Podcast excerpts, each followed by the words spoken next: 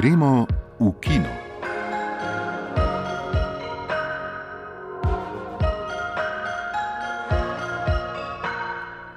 Lepo pozdravljeni vsi, ki imate radi film. Tik pred uradnim začetkom poletja, ki prinaša svež veter tudi v kino. Filmske zgodbe se selijo pod zvezdnato nebo. V Ljubljani so v sredo s filmom Večna ljubimca odprli kino dvorišče. Naslednji teden pa bodo gibljive slike po mnogih letih spet zauzele kongresni trg s tremi filmi za vse generacije. S cirkusom Charlesa Chaplina, Benom Hurom, Williama Wylerja in filmom Moje pesmi, moje sanje Roberta Wisa. Bled je postal filmsko prizorišče, ki se po fotogeničnosti lahko meri z najprestižnejšimi evropskimi festivalskimi lokacijami. Marko Nabršnik je v Šanghaju, kjer je že v torek v tekmovalnem programu predstavil svoj tretji celovečerec Gozdovi so še vedno zeleni. In še filmi, ki morda prinašajo svežino v domač kino. Pod zvezdami smo si ogledali Džarmuševa večna ljubimca, v kinodvoranah pa kurdsko-švedski film za vse generacije Bekas in francosko komedijo Devet mesecev šoka. Za konec pa smo pripravili prav posebno filmsko spominčico.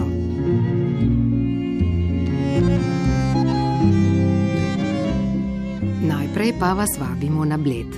Pod tamkajšnjimi zvezdami in tudi med njimi se je v torek začel prvi festival, ki ga vodita doma in v tujini uveljavljena filmska ustvarjalca Rade Šerbeđija in Branko Đurič. Festival se bo končal v soboto, nekaj dni pa je bila na bledu tudi Iza Pevec. Njene vtise bere Lidija Hartmann. V torek 17. junija se je na Bledu začel mednarodni Bled Film Festival, ki po besedah organizatorjev spaja glamur in družbeno angažiranost. Natančneje, želijo ponuditi priložnost za razmislek o pomenu vode in iskanju rešitev za ohranitev vodnih virov. Angažirani del festivala zastopa sekcija dokumentarnih tekmovalnih filmov, v kateri je predstavljenih osem filmov na temo vode, v tekmovalni program pa se uvrščajo filmi, ki so v Sloveniji predvajani prvič. Festival poleg dveh tekmovalnih sekcij ponuja tudi Open Air program, sekcijo Popovdan Srdžana Dragojeviča ter pogovore z razgledom. Vsebinsko najbolj dodelan in premišljen del festivala se zdi prav dokumentarna sekcija, na kateri festival utemeljuje svoje poslanstvo. Vendar so žal prav ti filmi predvajani na odmaknjeni lokaciji Blejskega gradu, v filmsko neprikladni Viteški dvorani. Selektorica Rada Šešič je nedvomno profesionalno opravila svoje delo. Premišljeno izbranih osem filmov prinaša pogled na različne vidike vode.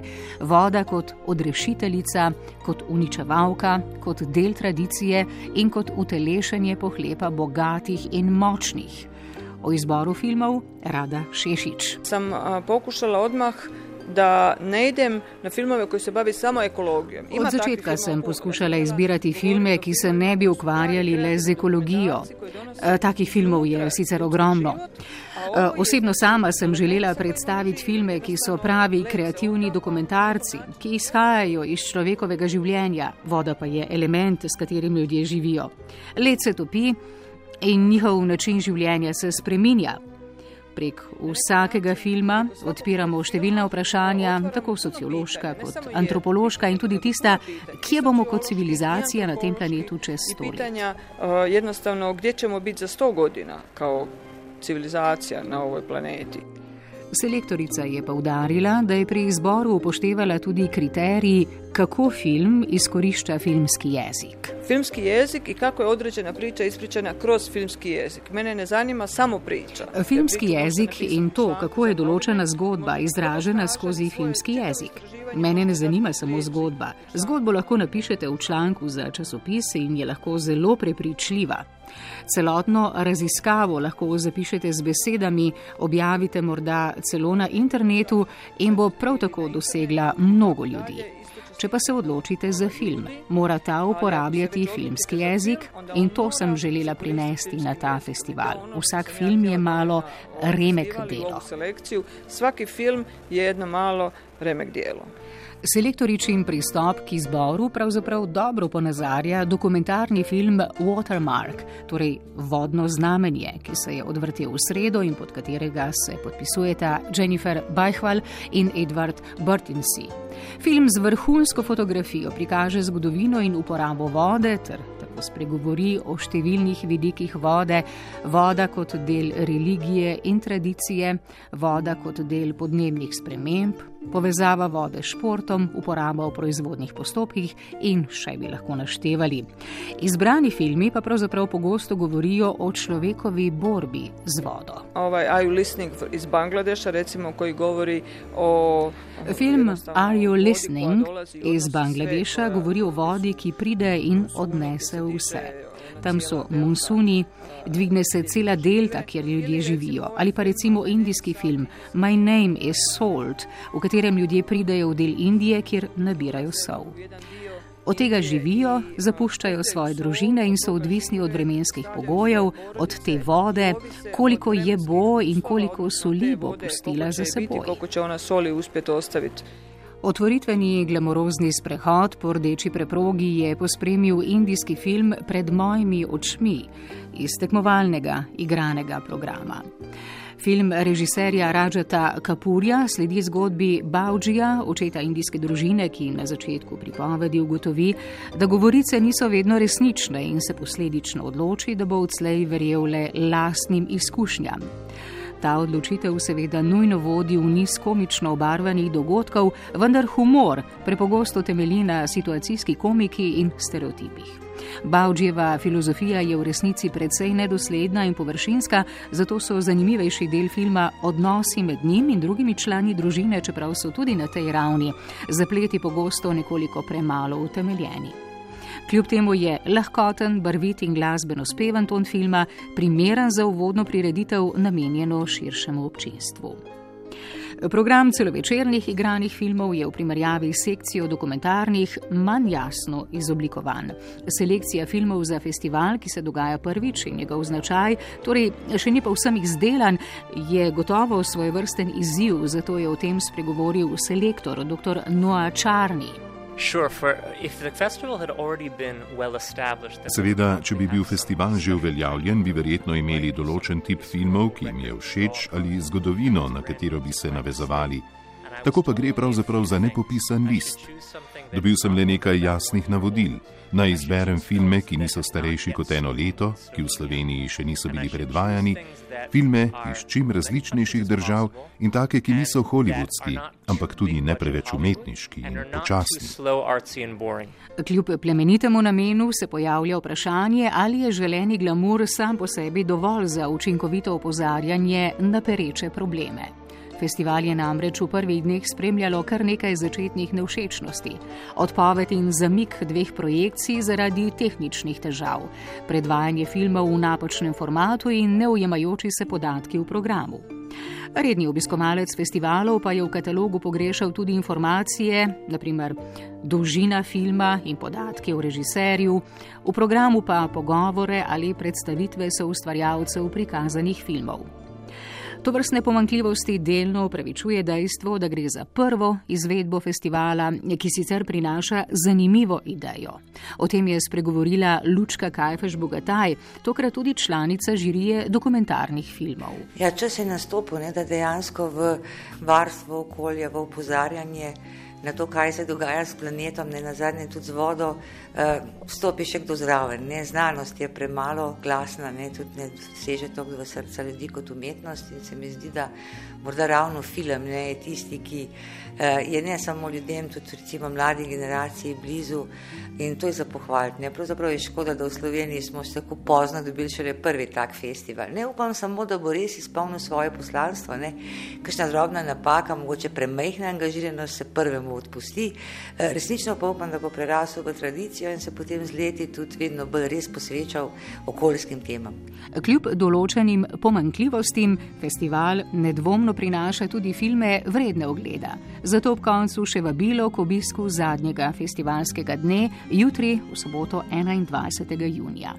Ob 18. bo na ogled polski film Prometni oddelek režiserja Vojčeha Smažovskega, sledili pa bodo zaključna slovesnost in podelitev nagrad ter zaključni film Open Air programa.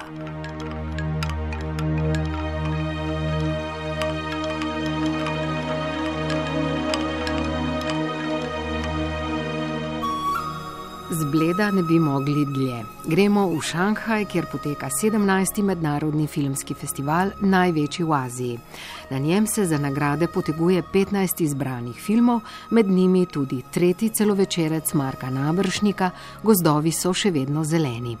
Posnel ga je v avstrijsko-slovenski koprodukciji, prvič pokazal na Kanskem sejmišču, te dni pa je že v Šanghaju, kjer se poteguje za najvišjo nagrado za zlati kelih.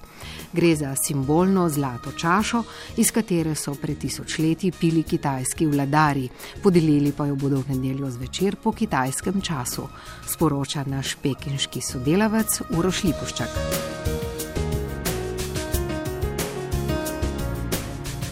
Mednarodni filmski festival v Šanghaju je poleg pekinškega filmskega festivala daleč najbolj odmeven vsakoletni filmski dogodek v Aziji med Šanghajskim mednarodnim filmskim festivalom in njenim bistveno mlajšim pekinškim tekmecem obstaja hudo rivalstvo.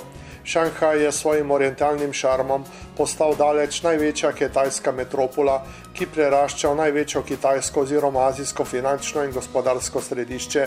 Peking pa si kot prestolnica stare imperialne Kitajske in politično daleč najpomembnejše kitajsko mesto prizadeva ohraniti nekdani bliščin pomen. Njena kritika o tem, kateri festival je pomembnejši, so zato deljena. Dejstvo pa je, da ima šanghajski festival 17-letno tradicijo, pekinški pa samo 4-letno. Šanghaj je vrgel rokavico tako Pekingu kot Hollywoodu. Prav včeraj so na primer objavili, da bodo v Šanghaju v naslednjih petih letih zgradili največje filmsko mesto na svetu s filmskimi studiji, ki bodo po velikosti in kapacitetah prekašali hollywoodske. Na letošnjem 17. filmskem festivalu v Šanghaju bodo v dobrem tednu dni predvajali več kot 300 filmov iz 112 držav. Vseh prijavljenih filmov je bilo letos kar 1099. To članska, doslej anonimna širša festivalska žirija je izbrala 15 filmov, ki se bodo v tekmovalnem programu potegovali za najviše nagrade oziroma zlate kelihe. Letos so prvič, nihče natančno ne ve zakaj, objavili tudi imena njenih članov. Sedemčlansko festivalsko žirijo vodi verjetno najbolj znana, po mnenju mnogih tudi najlepša kitajska filmska igralka Gong Li.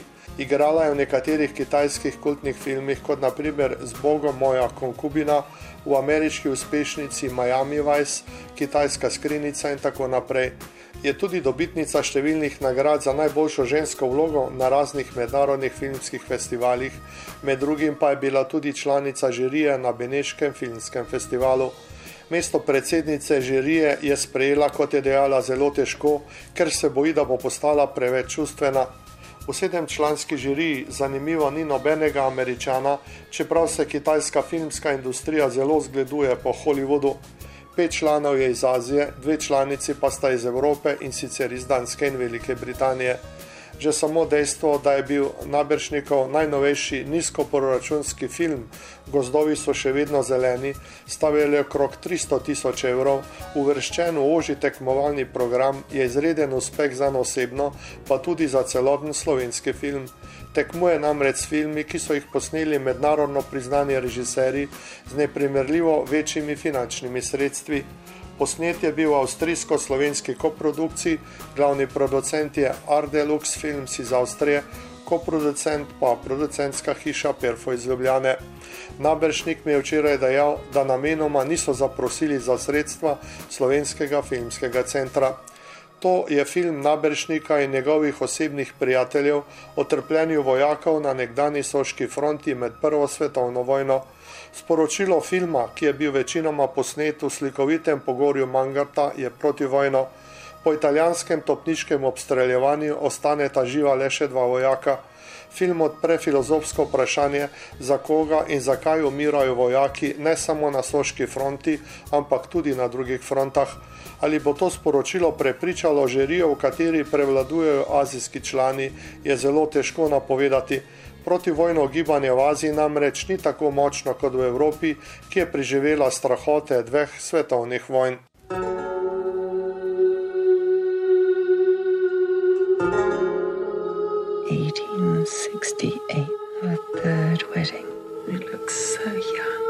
Po festivalskem uvodu v oddaji gremo v kino, pregledujemo spored v naših kinodvoranah. Najprej odhajamo na kinodvorišče in v art mrežo. Za premiero tedna smo namreč izbrali zadnji Džarmušev film Večna ljubimca. Zakaj? Denis Valič, njegovo oceno pa bo prebral Ivan Lotrič.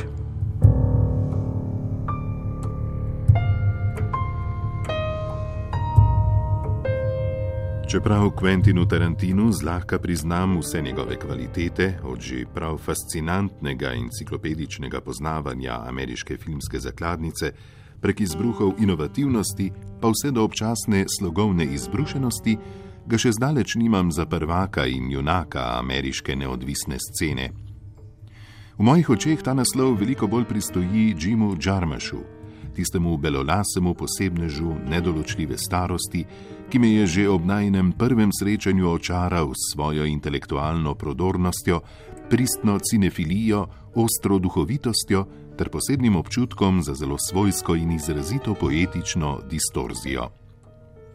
Spoznal sem ga namreč prek njegovega tretjega filma, čudaško čudovitega pod udarom zakona iz leta 1986, nekakšnega poklona njegovim evropskim in ameriškim filmskim idolom hkrati pa tudi dela, v katerem so nastopili kar trije moji tedanji idoli: Tom Waits, John Lurie ter mali vrak Roberto Benigni. Kako ga torej ne bi imel za junaka in prvaka? Obstajajo pa tudi bolj utemeljeni razlogi za takšno opredelitev, in med temi pomembno mesto zauzema dejstvo, da je med njegovimi deli veliko takih, ki jih lahko imamo za reinterpretacije za ameriško filmsko pokrajino značilnih žanrov. Seveda, tudi opus Tarantina tvorijo bolj ali manj leto vrstna dela, a pri teh imam vedno občutek, da le praskajo po površini, medtem ko se Jarmers spusti globlje in širše. Potopi se namreč v globine ameriške družbe in kulture, pri tem pa zajema že iz evropske ropotarnice kulture. Spomnimo se na primer filma Ghost Dog, v katerem prepleta ameriško urbano kulturo, vzhodnjaško vojno filozofijo in poklon Melvillovemu samuraju. Ali pa enega najsjajnejših del sodobnega ameriškega filma Mrtveca, lirične dekonstrukcije westerna z referencami tako na ameriško literarno tradicijo, kot tudi pravoslavno slikarstvo. In podobne reinterpretacije žanra se je Džarmaš lotil tudi v svojem zadnjem delu, hipnotičnih, večnih ljubimcih. V tem filmu nam namreč ponudi svojsko vizijo vampirskega filma, mirjade oddaljeno od najstniških fantazij, kakršen je bil naprimer Somrak. In prav v tem je Džarmaš po svoje tudi subverziven. Ko naredi na vides populistično gesto, se vzame komercialno preizkušen, uspešen žanr, a ga na to preoblikuje v intelektualistično-lirični premislek o vampirskih dušah sodobne družbe. Džarmaš se prek vsega filma hudomušno poigrava z referencami na svetopisemska ljubimca Adama in Evo, na antagonistični odnos dveh dramatikov angleške renesanse, Marlova in Shakespearja, na sodobno in manj sodobno rock glasbo, medtem ko v mitoloških nočnih bitjih, ki se sajo kri drugih, prepozna sodobne konzumente kulture in umetnosti, tiste, ki bi jih lahko označili za hedoniste duha in telesa. Večna ljubimca sta še eno značilno Džarmaševsko delo. Res da ne tako kapitalno in prelomno, kot je bil mrtvec, pa vendar še vedno nad vse užitno. Allahu Akbar. Večna ljubimca Džima Džarmuša sta torej naše priporočilo za obisk kina v dvoje. Če pa greste v kino v večjem številu in če so v družbici gledalci stari od 9 do 100 ali celo več let, potem priporočamo film Bekas režiserja Kazarja Kaderja iz Kurdistana. Več o Bekasu Gaja Pešel. Amerika še je izogorje, so pa manj levejši. Prombebka, zelo džurija. Bekas, drugi celovečerni film kurdskega režiserja in scenarista Karzana Kadera, ima s svetovnim nogometnim prvenstvom na prvi pogled bolj malo skupnega, pa čeprav vodni kader prikazuje otroško nogometno tekmo. A bolj ko se zgodba o dveh brezdomnih dečkih, ki brezkompromisno sledita svojim utopičnim otroškim sanjam, razvija, bolj se zdi, da gre za isto stvar. Brata Dana in Zana sta Bekasa, kurdsko siroti, ki se preživljata z uličnim loščenjem čevljev, jesta, kjer kaj dobita in spita na strehah domačega mesta. Njuna starša je ubil neusmiljeni politični sistem Sadama Huseina in ko fantiča nekega dne skozi okence kinodvorane vidita ameriški film o Supermanu, se odločita, da gresta v Ameriko. Seveda je to v njunih predstavah čisto blizu, le dan ali dva hoje in bosta že tam, potem pa bosta našla Supermana, z njim poletela nazaj domov ter poskrbela, da bo doma spet vse v redu. Režiser Karzan Kader je film, za katerega pravi, da ni le njegova osebna zgodba, ampak tudi močan kurdski glas, ki si želi miru, postavil v začetek 90-ih let prejšnjega stoletja, ko je kot otrok tudi sam zapustil Husejnov Irak in z družino našel zatočišče na švedskem. Pri snemanju v kurdistanski pokrajini ki je s svojo slikovitostjo nedvomno tretji protagonist filma, ni uporabljal nobenih dodatnih luči ali vizualnih učinkov, saj je želel doseči občutek resničnosti, s čimer je ustvaril izrazit antipod utopičnim otroškim željam. Bekas je lep, resen in zelo duhovit vsegeneracijski film o sanjah, o strasti, ki je potrebna za dosego leteh, o neskončnem verjetju v njihovo resničitev in predvsem o tem, da je vse lažje, dokler te sanje sanjamo skupaj. Kot na nogometnem prvenstvu, le da je zmaga za Zano in Dano veliko bolj življenska in veliko lepša.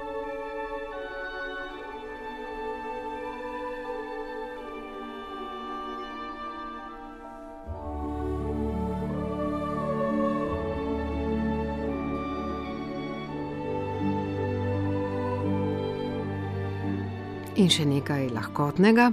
V komercialni mreži je v četrtka na sporedu francoska komedija 9 mesecev šoka, ki so jo doma nagradili z nekaj cezari, najvišjimi nacionalnimi nagradami. O tem, kaj ta hip zabava francoze in ali zabava tudi slovence, Neva Mužič.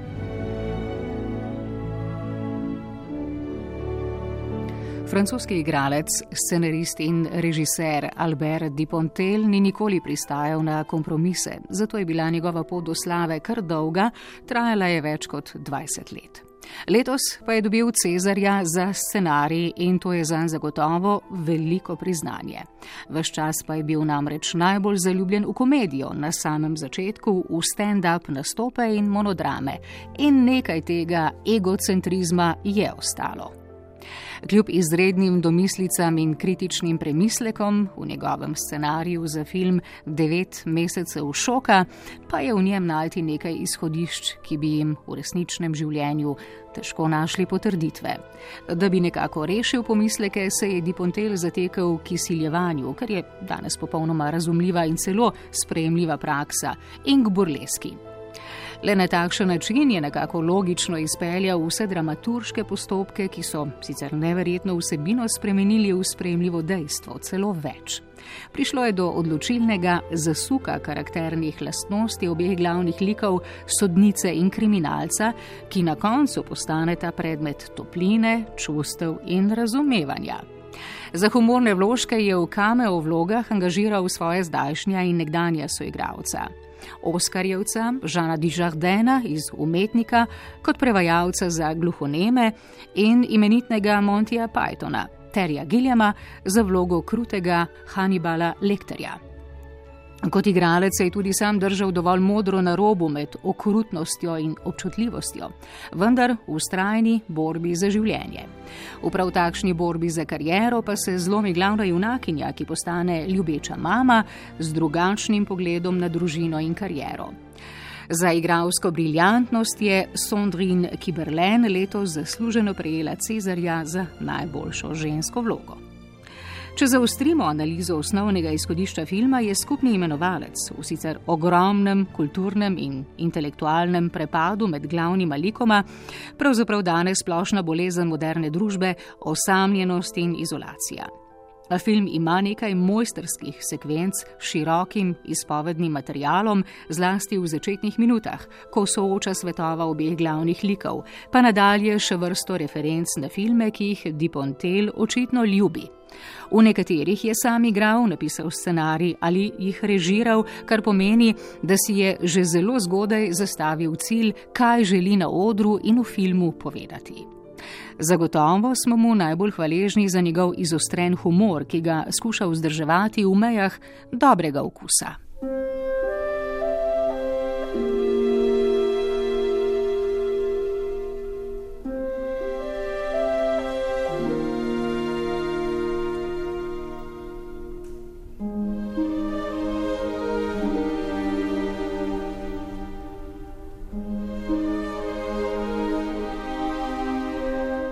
Za konec pa še nekaj filmske zgodovine z vso obvezno nostalgijo. O bližajoči se 150. obletnici rojstva dr. Karola Grossmana in 110-letnici slovenskega filma in ob 90-letnici Marjana Cilarja so v slovenski kinoteki v sodelovanju s filmskim arhivom pripravili zanimiv in poglobljen večer o ohranjanju domače filmske dediščine.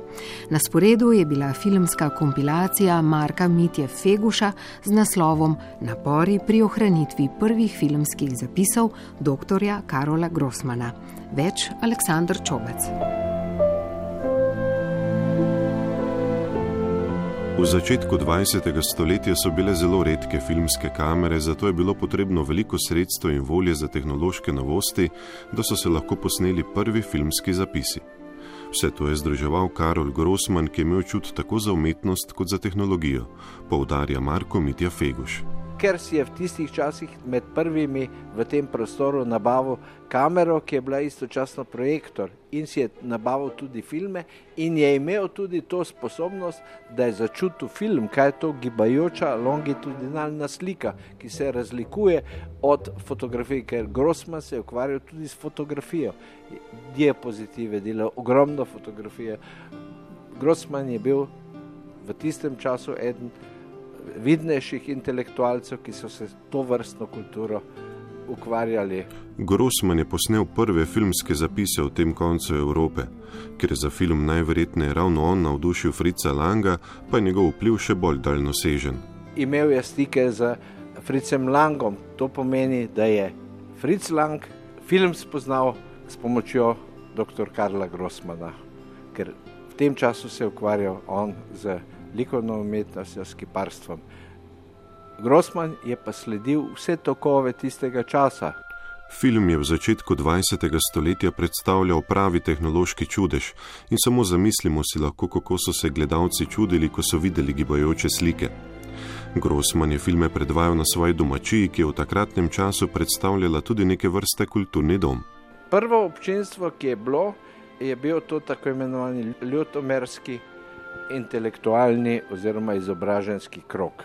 Družina in pa ti gostje, ki so prihajali v domačijo Grossmanovi. Grossmanova domačija je bila sredi Ljutomera in je bilo pomembno stičišče umnih ljudi tistega časa. Če je prišel Fritz Lang kot, rekel, kot vojak, takrat službojoči k njim, on je, on je že vedel, kamor, kam prihaja.